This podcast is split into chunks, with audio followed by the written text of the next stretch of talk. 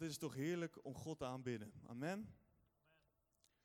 Als je God aanbidt, valt alles van je af. Dan word je helemaal weer verfrist, word je helemaal nieuw. Weet je waarom?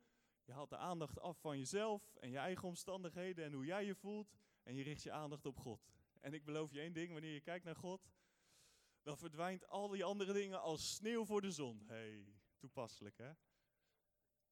Als je kijkt naar God en ziet hoe groot God is, hoe geweldig God is, dan is dat probleem wat jij misschien in je leven hebt opeens heel klein. Stelt het helemaal niks meer voor.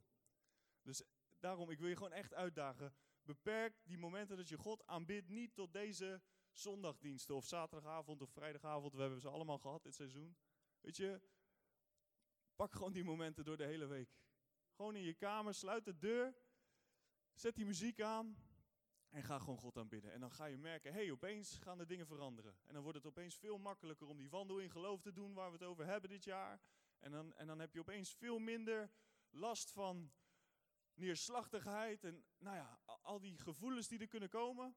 Want wat gebeurt er? Je kijkt naar Jezus en alle problemen verdwijnen als sneeuw voor de zon. Amen. Ik had dat echt even nodig. Dank u, Jezus.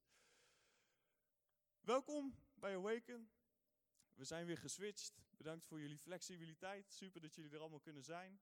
Iets kleinere groep, maar daarom niet minder fijn. Amen. En we hebben natuurlijk het jaarthema Walk by Faith, maar vandaag is het Valentijnsdag. Dus hoe kan het ook anders dat we het gaan hebben over liefde?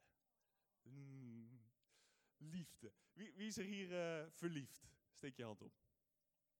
Kijk, kijk. Er zijn ook een paar mensen die hun handen niet opsteken. Dus als je nou niet, nog niet verliefd bent, kijk goed om je heen. Want de beste plek om een partner te vinden is in de kerk. Amen? Ik denk, dat kan je aan mij vragen, dat kan je aan dit stelletje hier vragen, dat stelletje daar. De beste plek om iemand te vinden is hier, is niet in de club, is niet uh, Tinder of wat dan ook. Hier ga je de beste mensen vinden, want dan weet je zeker, het fundament ligt goed, ze houden, we houden allebei van Jezus. En dan komen al die andere dingen ook wel goed. Amen? Wil je met me opslaan 1 Korinthe 12? Dat is in het Nieuwe Testament. En bij mij is het pagina 1792. Maar ik kan me voorstellen dat bij jou iets anders is.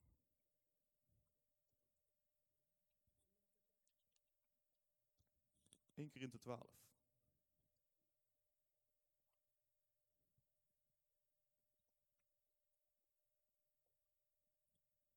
Eén keer in de twaalf. En dan vanaf vers 28. We hebben het over walk by faith. En we horen geweldige getuigenissen. We horen van fratten die van knieën afvallen. En we horen van mensen die enthousiast op school gaan vertellen dat ze in Jezus geloven. En aan het getuigen zijn. En dat is geweldig. Dat zijn prachtige dingen. Daar worden we dol enthousiast van. Amen? Amen. Maar nu hier in 1 Korinthe 12 gaat het over de gaven. Dat is zo'n hoofdstuk waarin Paulus vertelt over de verschillende gaven. De gaven van geloven, de gaven van genezing. En boem, boem, boem, prachtige, mooie, grote, geweldige dingen. En dan vanaf vers 28 lezen we... God nu heeft sommigen in de gemeente een plaats gegeven. Ten eerste apostelen, ten tweede profeten, ten derde leraars, vervolgens krachten, daarna genadegaven van genezingen, vormen van hulpverlening, bestuurlijke gaven, allerlei talen. Zijn zij soms alle apostelen? Ik zal niks zeggen. Zijn zij soms alle profeten? Zijn zij soms alle leraars? Zijn zij soms alle krachten? Hebben zij soms alle genadegaven van genezing? Spreken zij soms alle in talen? Zijn zij soms alle uitleggers? Nee, hij zegt streef dus naar de beste genadegaven, maar ik wijs je een weg die dit alles nog overtreft. In het Engels staat er, I'll show you a more excellent way. Vandaag gaan we het hebben over de meer excellente manier. De meer excellente weg. En als je een beetje kennis van de Bijbel hebt, dan weet je, daar waar hoofdstuk 12 eindigt, kom je in 1 Korinthe hoofdstuk 13. En 1 Korinthe hoofdstuk 13, waar staat dat bekend om? Liefde. De meer excellente manier, de meer excellente weg, is de weg van liefde gaan. We hebben het natuurlijk over het wandelen in geloof. En gelaten 5 vers 6 zegt dat het geloof is door liefde werkende. Weet je, het fundament voor ons geloof, het fundament voor eigenlijk alles wat we willen doen voor Jezus, moet gebaseerd zijn op liefde. Maar er is dus een meer excellente manier. Ik ben zelf zo'n soort persoon die altijd eh, heel graag alles net even wat efficiënter wil doen. Dus Nienke wordt er soms knettergek van, maar in mijn auto, Heb ik altijd gewoon verschillende plekjes voor mijn dingen. Dat ik weet, uh, als ik zo met, naar rechts grijp, dan ben ik zo bij mijn oordopjes. Of rechtsachter ligt de tomtom en links ligt portemonnee hier. Dat is misschien heel autistisch, maar nou ja, dat heb ik mezelf gewoon aangeleerd. Want ik hou van een systeem en efficiënt, tenminste in mijn auto dan. Thuis ben ik weer wat minder uh, efficiënt en opgeruimd. Maar in mijn auto heb ik voor alles zo'n plekje. En dan heb ik een systeem, wil ik efficiënt zijn. Maar regelmatig vraag ik mezelf af, hoe kan ik dit nou nog net iets efficiënter doen? Als ik nou mijn portemonnee niet meer hier linksonder leg, maar misschien in het dashboardkastje. Misschien is dat net wat efficiënter. Is het niet, want dan moet ik elke keer het kastje open doen om een portemonnee te pakken, dus dat is niet efficiënt. Maar zo vraag ik mezelf continu af, hoe kan ik dit efficiënter doen? En zo in het leven kan je jezelf afvragen, de dingen die je dagelijks doet, hoe kan ik dit meer excellent doen? Wat is een meer excellente manier? De wereld is continu bezig om alles steeds efficiënter te doen en steeds excellenter te doen. Ik bedoel, tien jaar geleden liepen we allemaal nog met een Nokia 5770 rond of zo. Dat ding dat niet te vernietigen was. En had je alleen nog geen internet. Nu, tien jaar later, zijn we de unlimited en continu op het internet. En het is meer efficiënt geworden. Er is een meer excellente manier gevonden voor het gebruiken van een telefoon. En dus zo ook in ons leven als christenen. Je kan je altijd weer afvragen, wat is voor mij de meer excellente manier van de dingen doen? Dus vandaag wil ik die vraag bij je neerleggen. Terwijl je kijkt naar je leven, dat wat je allemaal doet, vraag jezelf gewoon eens af. We zitten nog aan het begin van 2021. Hoe kan ik 2021 meer excellent gaan aanpakken? Een meer excellente manier pakken? En vandaag gaan we daar ook al gedeeltelijk een antwoord op geven, namelijk de weg van liefde gaan. Ik heb het getiteld Walk in Love. We hebben Walk by Faith, maar vandaag gaan we het hebben over de wandel in liefde. En als wij uh, het hebben over liefde, dan kunnen we dat hoofdstuk 1 Korinthe 13 natuurlijk niet links laten liggen. Dus ik, ik, lees even een paar versen, want dit is toch gewoon genieten. En ik lees het uit de, de basisbijbel. Moet je horen hoe Paulus het hier omschrijft. Hij zegt, stel dat ik de talen van de mensen en van de engelen kon spreken, maar als ik dat zonder liefde deed, was het alleen maar lawaai. Stel dat ik kon profiteren, al Gods verborgen plannen kende, alles wist wat er te weten valt, en zoveel geloof had dat ik bergen kon verplaatsen, als ik dat zonder liefde deed, stelde ik niets voor. Stel dat ik alles wat ik had weggaf aan de arme mensen. En stel dat ik er trots op kon zijn dat ik mijn lichaam opofferde vanwege mijn gelovende Heer. Maar als ik dat zonder de liefde deed, had ik er niets aan. Weet je, gasten, als we de dingen doen in dit christenleven zonder het fundament van liefde, zonder het te doen vanuit een hart van liefde, dan is het maar herrie. Dan is het maar lawaai. We hebben nodig dat we gemotiveerd worden door liefde. Guy P. zei het laatst zo prachtig. Hij zei: geloof is de activator, maar liefde, liefde is de motivator.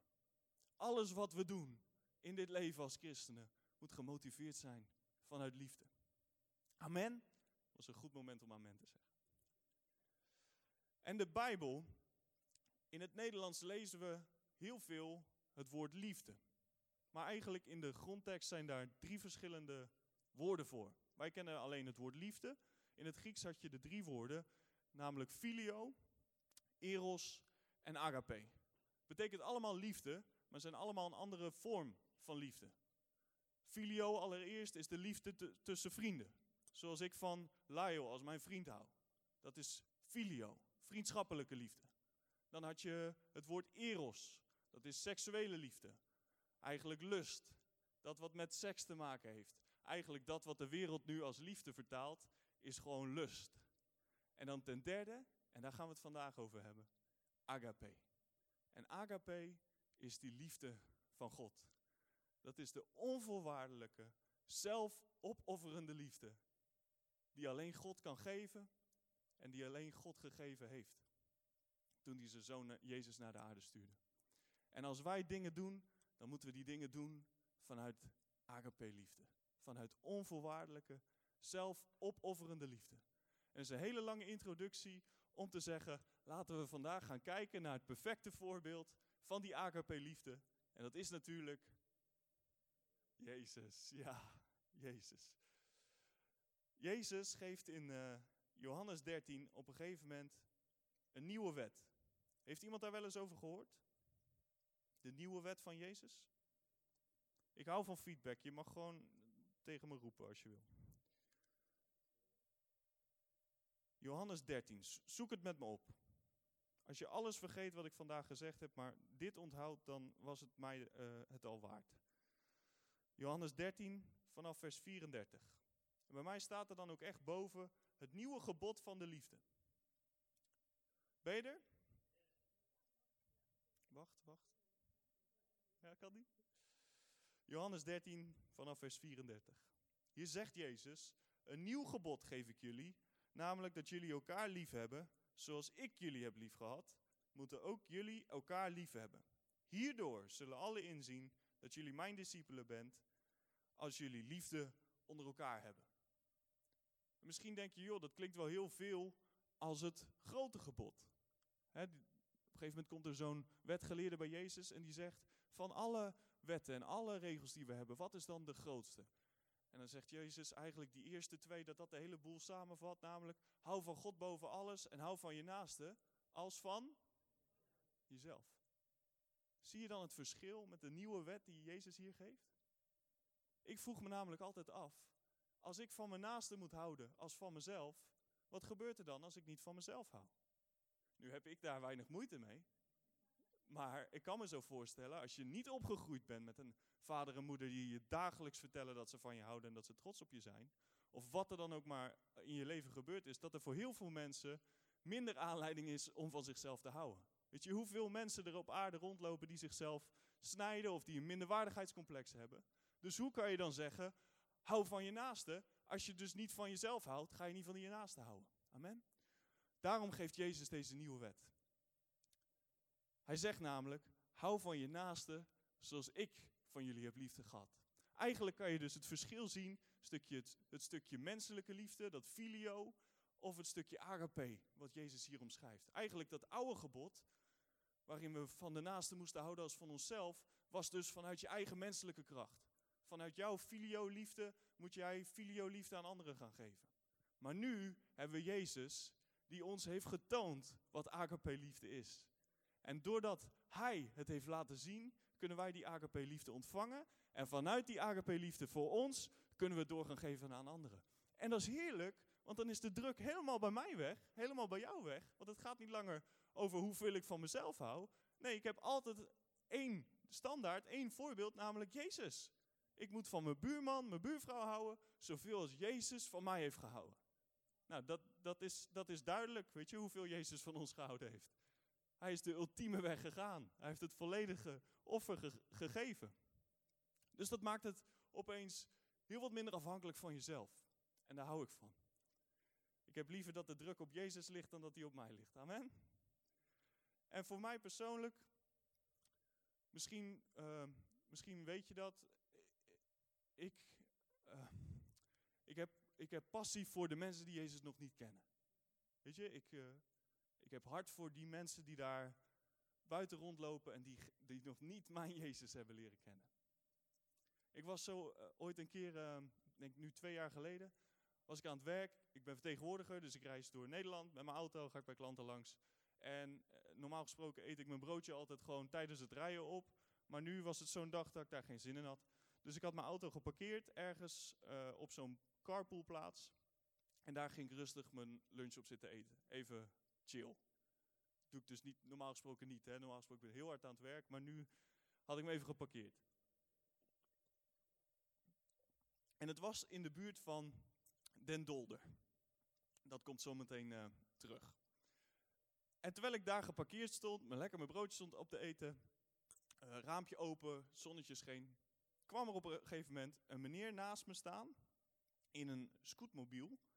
Ehm beetje vreemd, carpoolplek dicht bij de snelweg. Van wat doet die meneer hier dan?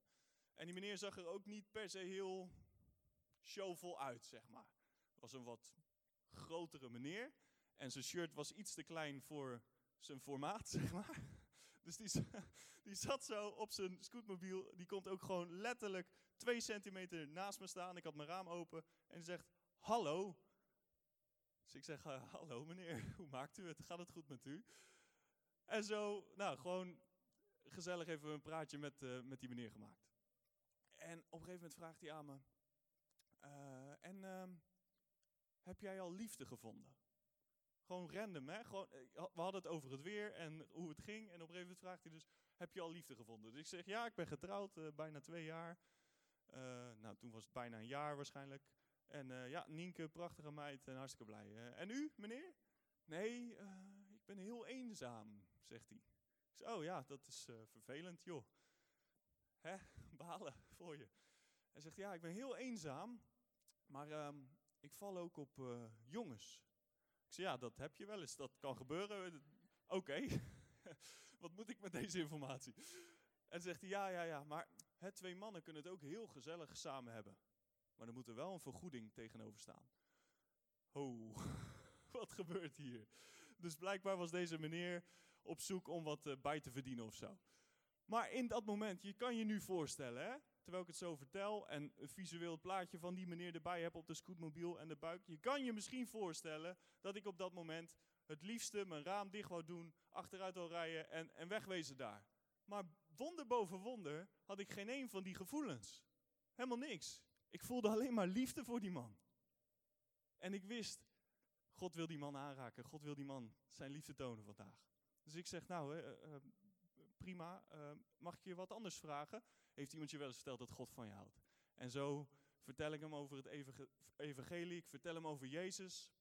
En die meneer nam daar onder tranen Jezus aan als de Heer en Redder. En het leukste detail is nog, hij heette Dick. Het krijgt het niet verzonnen. Hij heette Dick en hij kwam uit een instelling in Den Dolder. Ehm, nou ja, dit hè, verklaart misschien een beetje zijn, eh, zijn gedrag. Maar in dat moment had ik niets anders dan liefde voor, voor Dick. En ik kon zo Dick bij Jezus introduceren. En ik weet 100% zeker dat wanneer ik in de hemel eh, terugkom, ik daar Dick weer ga tegenkomen. En nu denk je misschien, oh, gaaf voor je eh, wat, eh, wat doe je dat goed en eh, wat fijn voor jou. Ehm, maar eh, eh, dit, ik vertel dit niet om mezelf een schouderklopje te geven. Want eigenlijk, daarna, kreeg ik keihard op mijn kop van de Heilige Geest. Ik reed daar weg en ik voelde me best wel, ik voelde me best wel goed. Van yes, dat hebben we toch maar mooi even gedaan. Hè? Halleluja. Weer een visje gevangen. Maar toen zei de Heilige Geest, grappig hè? Hoe makkelijk je liefde kan hebben voor zo'n zondaar. Homofiele zondaar, zei de Heilige Geest. En hij mag gewoon eerlijk met me praten. Grappig hoe makkelijk je liefde voor zo'n man kan hebben. Maar je eigen broers en zussen een bloedhekel aan hebt. Ik zo, wow. Oké. Sorry, Heilige Geest. Weet je, voor mij was het makkelijk om liefde te hebben voor Dick. Maar ondertussen hier op zondag in de kerk zat ik me regelmatig kapot te ergeren aan mijn eigen broers en zussen. En dat is geen agape-liefde, of wel? Dat is niet hoe God het wil hebben. Het een en het ander. Allebei. En weet je, ik denk dat we het beste kunnen leren, zoals ik net zei, door te gaan kijken naar Jezus. Hoe we kunnen groeien in het liefde voor zowel onze buurman, onze broer en zus, als onze onbereikte buren. Dus laten we gaan kijken hoe Jezus opereerde. Alright, zijn jullie er nog? Oké. Matthäus 14.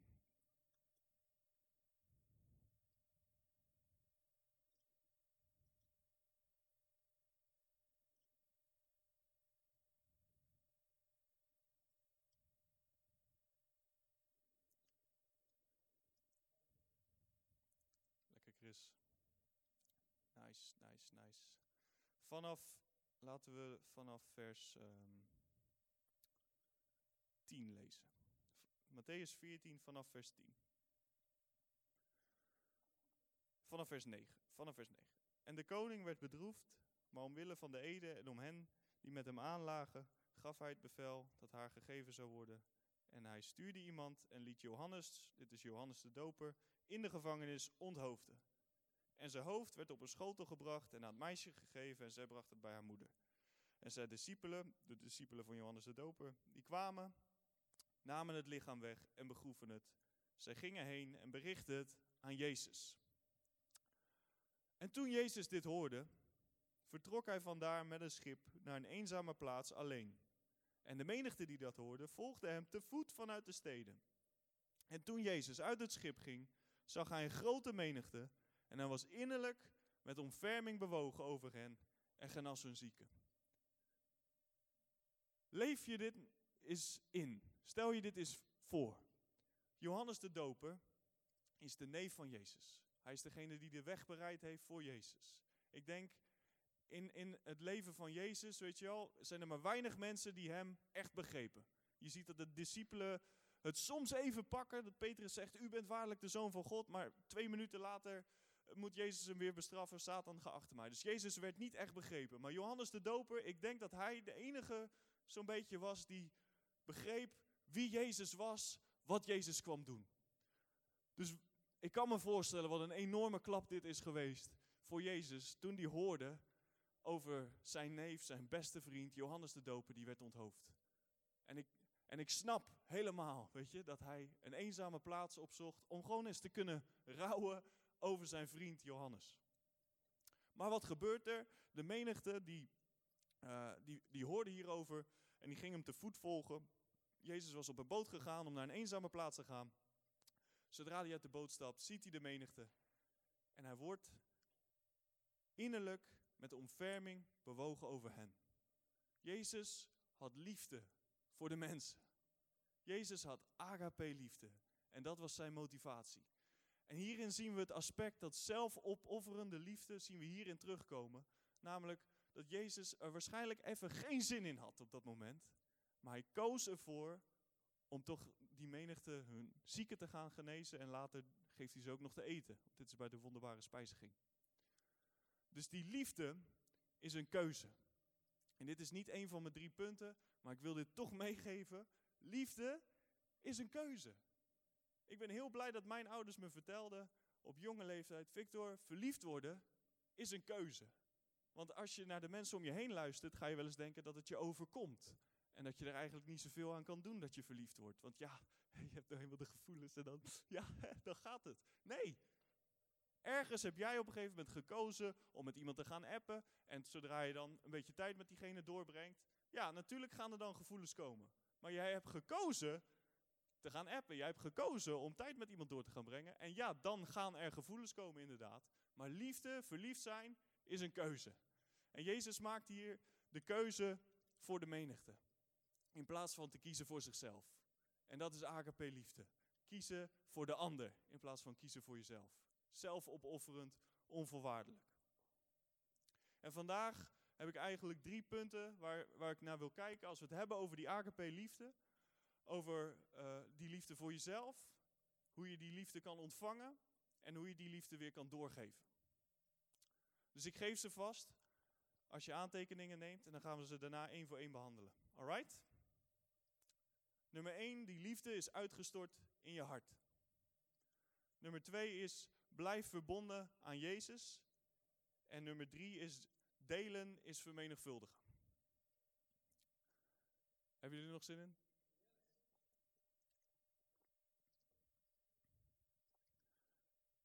Wanneer je het hebt over die agape liefde, is waarschijnlijk, als ik zo naar jullie gezichten kijk, het eerste wat in je hoofd opkomt, maar ik, heb dat, ik voel dat niet zo. Ik heb die liefde van God nog nooit gevoeld. Misschien is dat een gedachte die bij je opkomt. Heb ik goed nieuws voor je. We zijn gelovigen, we zijn geen gevoeligen. Amen. Het is een kwestie van een keuze maken om te geloven wat het woord van God zegt. Je mag ervoor kiezen te geloven dat dat wat God over jou zegt, dat dat waar is. Hoeft niet, mag wel. En ik zou aanraden, maak die keuze, want dat maakt het heel veel makkelijker. Maar je kan misschien dus zeggen, ja, ik heb dat gevoel niet. Weet je, ik, ik voel de liefde niet. Die liefde is een gevolg van een keuze. En de eerste keuze die we moeten maken is dat we zeggen: Ik geloof het woord van God en wat het woord van God zegt is waar, ongeacht wat ik voel.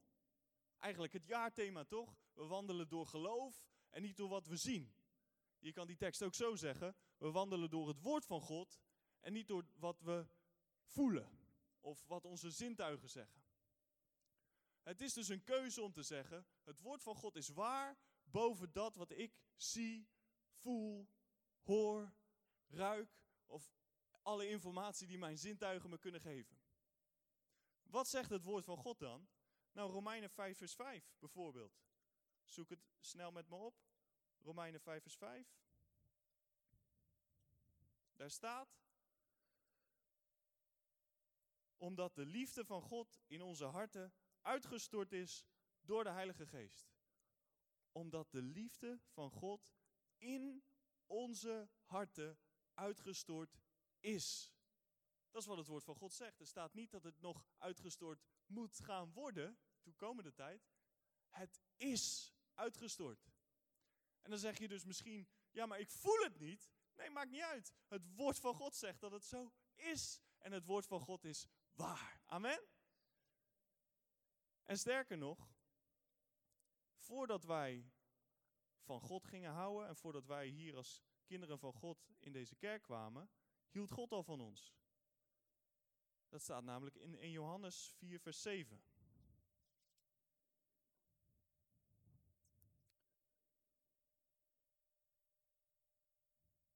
Vier vers 10, pardon.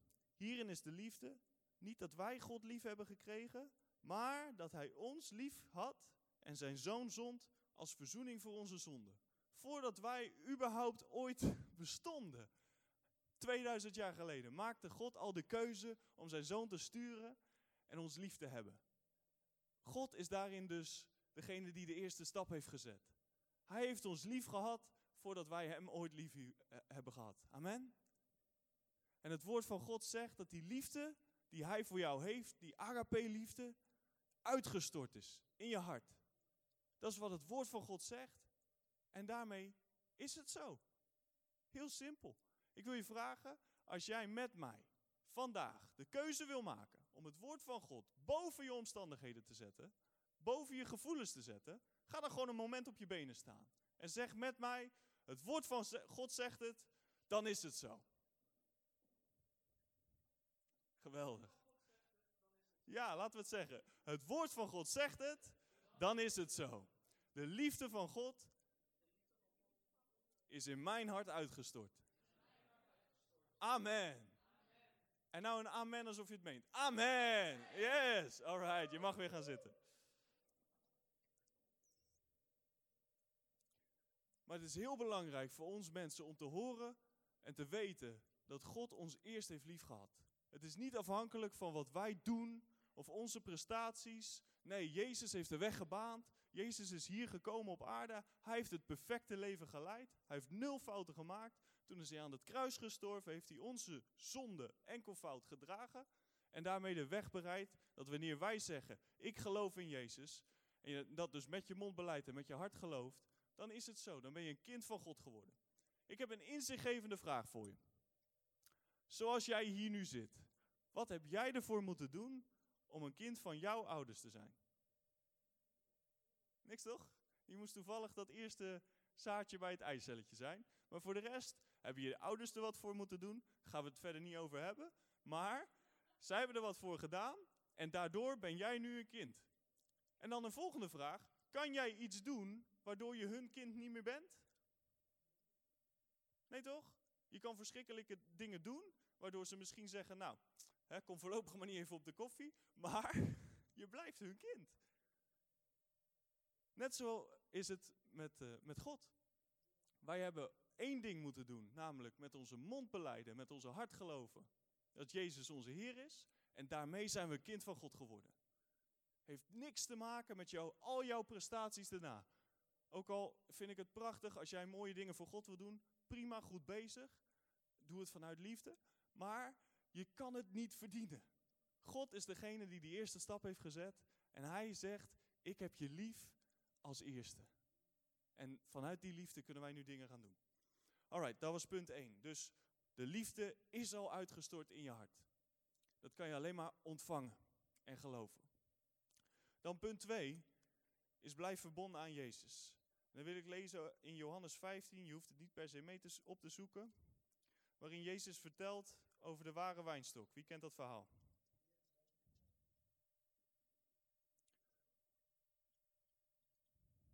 Johannes 15, vanaf vers 1 zegt Jezus, ik ben de ware wijnstok en mijn vader is de wijngaardenier. Elke rank die in mij geen vrucht draagt, neemt hij weg. Ik vond het altijd moeilijk om dit te lezen, want dan klinkt het alsof jij, wanneer jij dus geen vrucht draagt, weggenomen wordt door God. Het klonk niet echt heel lief. En, en ik heb geleerd dat God goed is, dat hij van me houdt en dat het niet met mijn prestaties te maken heeft, zoals we net zeggen. Dus ik vroeg me altijd af, waarom staat er dan, neemt hij weg? Wat blijkt nou in de grondtekst, wat hier wordt vertaald met wegnemen, kan ook worden vertaald met um, to lift up, omhoog heffen. En als je het plaatje visueel voor je kan stellen, ik ben zelf, ik denk erg in plaatjes, wanneer je zo'n uh, wijngaard ziet.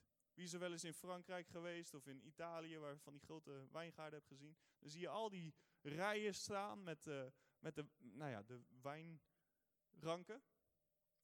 En soms zie je een van die wijnranken zo een beetje naar beneden zakken. En die hangt dan zo half in het zand. Als die, stok, of die wijnrank zo half in het zand hangt, kan die geen vrucht dragen. Want dat is niet de beste plek om de zon op te vangen. Dus wat doet dan de wijngaardenier?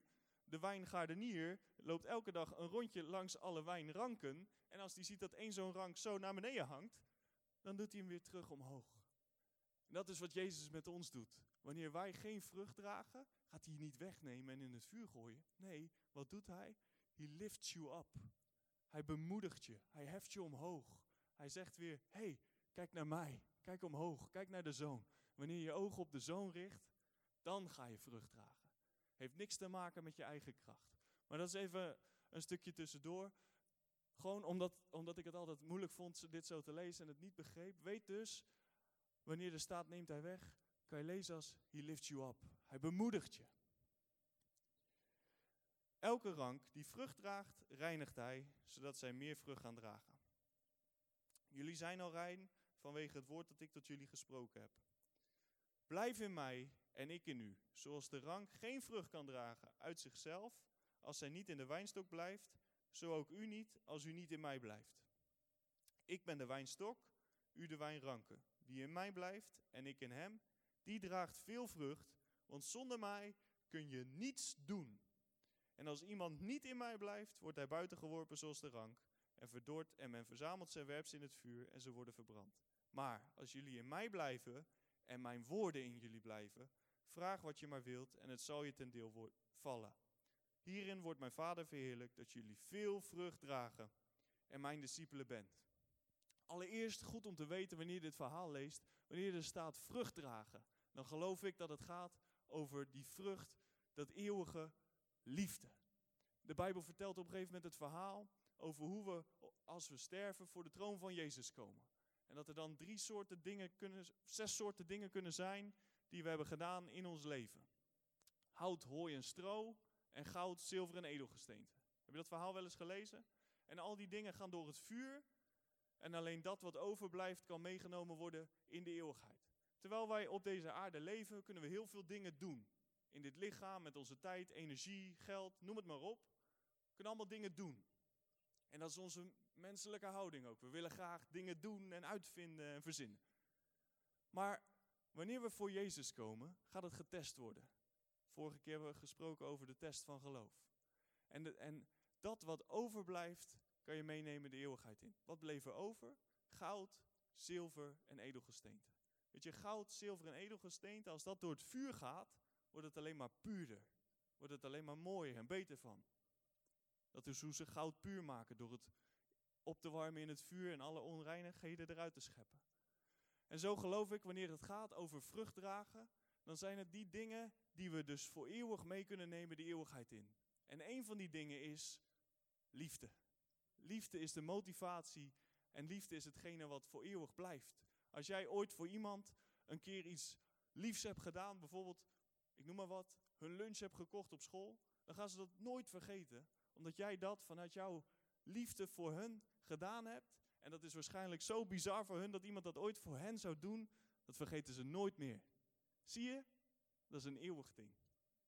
Dat is voor eeuwig. Dat kan getest worden door het vuur en het blijft. En zo, uh, wanneer dus, dus staat over vrucht dragen, weet dan, we hebben het over dingen die eeuwig zijn, bijvoorbeeld liefde. Maar het punt dat ik wil maken is, blijf verbonden aan Jezus. Jezus zegt hier, als jullie in mij blijven en mijn woorden in jullie blijven, vraag wat je maar wil en het zal je ten deel vallen. Klinkt best wel goed, toch? Dat je de schepper van hemel en aarde kan vragen wat je maar wil en hij zal het je geven. Ik wil dat wel. Nou, de sleutel daarvoor, heel simpel, blijf in Jezus. En dat klinkt heel vaag en ik hou van praktisch. Dus hoe blijf je in Jezus? Hij geeft zelf het antwoord al. Als mijn woorden in jullie blijven. Hier hebben we een boek vol met zijn woorden. Dit is Gods cadeau aan ons. Zijn woord, allemaal woorden van God richting ons. En wanneer die woorden in ons blijven, dan blijft Jezus in ons. Want Johannes 1 zegt, in de beginnen was het woord. En het woord was bij God en het woord was God. Dus wanneer je het woord leest, lees je Jezus. Dit is Jezus op die pagina's. En nu wij de Heilige Geest ontvangen hebben, wanneer we het woord lezen, gaat de Heilige Geest Jezus openbaren. Zelfs in het Oude Testament. Dus dat kan je ook echt vragen. Wanneer je je Bijbel openslaat, kan je bidden, Heilige Geest, openbaar mij Jezus. En wat gaat er gebeuren? Je gaat lezen en de Heilige Geest gaat Jezus van de pagina's doen afspringen en rechtstreeks in je hart brengen. Amen? En dat is hoe je dus in die liefde blijft. Allereerst geloven dat die liefde voor jou is. Zoals de Bijbel zegt, Romeinen 5, 5 vers 5, wat staat er? Die liefde is uitgestort in mijn hart. En dan, zodra je die liefde hebt ontvangen, is het een kwestie van in die liefde blijven. Hoe doe je dat? Lees het woord. Het is allemaal niet super moeilijk, hè? Het is vrij simpel. Dit woord, dat verandert alles. Het woord is levend en krachtig. En het doet wat, uh, waartoe het gezond is, zegt de Bijbel. God heeft zelfs zijn woord voor eeuwig vastgezet. En hij zegt, ik hou me aan mijn woord. Voor hem is dit zo'n simpel boek als dit, is het meest heilige voor God. Hij die de hemel en aarde geschapen heeft, dit is het meest krachtige wat hij ooit gemaakt heeft. En hij geeft dat als cadeau aan ons. En nu is het aan ons om er wat mee te gaan doen. Toch geweldig? Leven met Jezus is mooi. En dan nummer drie, delen is vermenigvuldigen. En dan gaan we weer terug naar Matthäus 14. Daar waar we lezen over dat Jezus innerlijk met ontferming werd bewogen over de menigte. Daar zagen we dus het voorbeeld van hoe Jezus opereerde in de liefde. Hij werd bewogen door die liefde. En dan, wat gebeurt er in dat verhaal? Ze hebben honger. Als je honger hebt, zeg amen. Amen, ik heb honger. Vanaf vers 15. Toen het avond werd, kwamen de discipelen naar hem toe en zeiden: Deze plaats is eenzaam, eenzaam en de tijd is nu verstreken. Stuur de menigte weg, zodat zij naar de dorpen kunnen gaan om voor zichzelf voedsel te kopen. Oftewel, Jezus, stuur ze weg, ik heb er, uh, ik heb er geen zin in. Uh, ze mogen het zelf regelen. Was niet echt uh, liefde. Jezus zegt echter, het is niet nodig dat ze weggaan, geven jullie hun maar te eten. Dus Jezus kaatst de bal direct terug en hij geeft de verantwoordelijkheid terug aan de discipelen. En daarmee, als je dit leest, ook weer aan ons. Als de kerk, de verantwoordelijkheid van het voedige, voeden van de menigte ligt bij ons. Maar, zeiden zij tegen hem, wij hebben hier niets dan vijf broden en twee vissen. Wat deden de discipelen? Zij keken naar dat wat ze op dat moment hadden. En dat wat ze op dat moment hadden, was niet mega veel, namelijk vijf broodjes, twee visjes. En als we het hebben over liefde, dan is dit iets wat we zelf ook vaak doen. We kijken naar dat wat wij zelf hebben. En we zeggen, ja, maar ik hou niet zo heel erg veel van al die zondaars daarbuiten. Of ik, vind het moeilijk en ik voel het niet. Die dingen die ik net benoemde. We kijken naar dat wat we hebben in het natuurlijke. Maar wat gebeurt er? Jezus zegt, breng ze hier bij me. En hij gaf de menigte opdracht om op, eh, op het gras te gaan zitten. En hij nam de vijf broden en de twee vissen. En terwijl hij opkeek naar de hemel, zegende hij ze. En toen hij ze gebroken had, gaf hij de broden aan de discipelen. En de discipelen gaven ze aan de menigte. En zij aten alle en werden verzadigd. En zij raapten het overschot van de stukken brood op, twaalf manden vol. Dus wat gebeurt er? Dat kleine beetje wat de discipelen op dat moment hadden, gaven ze aan de meester. En wanneer jij het kleine beetje van jezelf in de handen van de meester legt, wordt het veel. Want delen in het koninkrijk van God is vermenigvuldigen.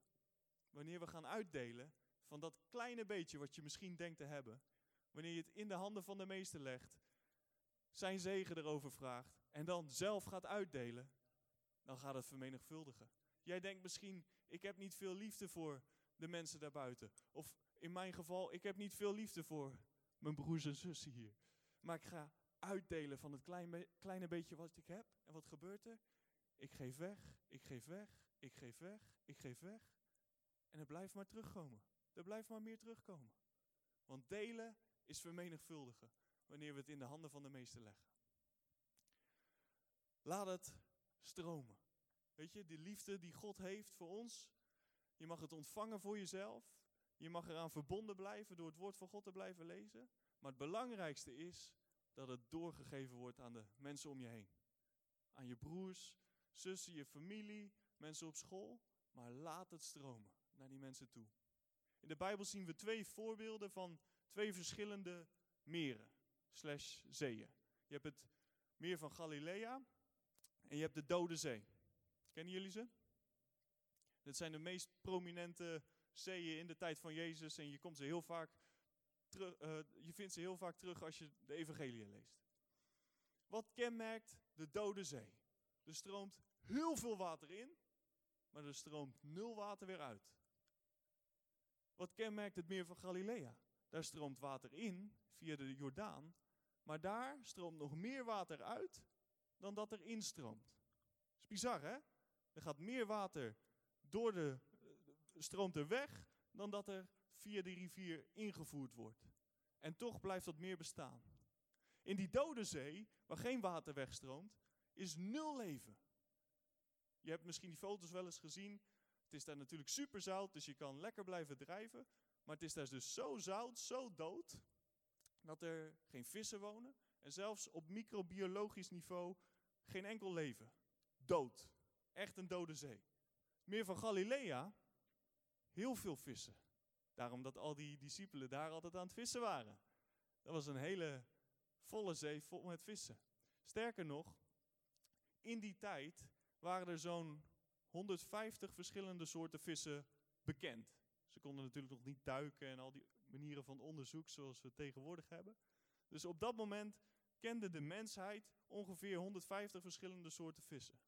Nu heb je dat verhaal waarin Jezus tegen Petrus zegt: werp je net uit en dan vangt hij heel veel vissen. Weet je nog? Dat zijn precies dat aantal vissen als wat toen bekend was binnen de mensheid. Zeg maar ongeveer 150 verschillende soorten vissen. Dus in, die, in dat meer van Galilea was alle leven aanwezig, alle verschillende soorten vissen aanwezig. Waarom? Het stroomde. Er werd uit, meer uitgedeeld dan dat er binnenkwam. En dat is voor het natuurlijke heel onlogisch. Want je denkt altijd eerst aan jezelf en je denkt ik moet genoeg voor mezelf overhouden, anders is er niet meer genoeg voor mij. Maar bij, bij het koninkrijk is het delen is vermenigvuldigen. En wanneer jij dat kleine beetje dat jij hebt gaat uitdelen naar de mensen om je heen, dan gaat het meer worden. Denk aan het verhaal van eh, de profeet Elia bij die, bij die weduwe. Hij vraagt aan haar, geef mij een beetje water. Nou, dat was nog oké. Daarna vraagt hij, geef me ook een stukje brood. Zegt ze, ja, ho even, ik ging net een broodje bakken, dat is het laatste broodje wat ik heb. En dan eten we die op en dan is daarna klaar, voetsie, over. Zegt hij, geef mij toch eerst dat broodje. En die vrouw deed dat. Dat is, dat is liefde, hè? En geloof. Die twee zijn gecombineerd. En dus zij bakt dat broodje eerst voor Elia. En wat gebeurt er daarna? Al de tijd dat Elia bij haar woont, gaat het uh, meel in de kruik en de olie niet op. Het blijft stromen. Dus weet dit, wanneer jij gaat uitdelen van wat jij hebt, uitdelen van de liefde die jij hebt ontvangen vanuit God, ook al denk je het is maar zo'n klein beetje, het is meer dan genoeg voor jou en voor iedereen om je heen. En zodra je gaat uitdelen, wordt het steeds meer en meer en meer. Amen.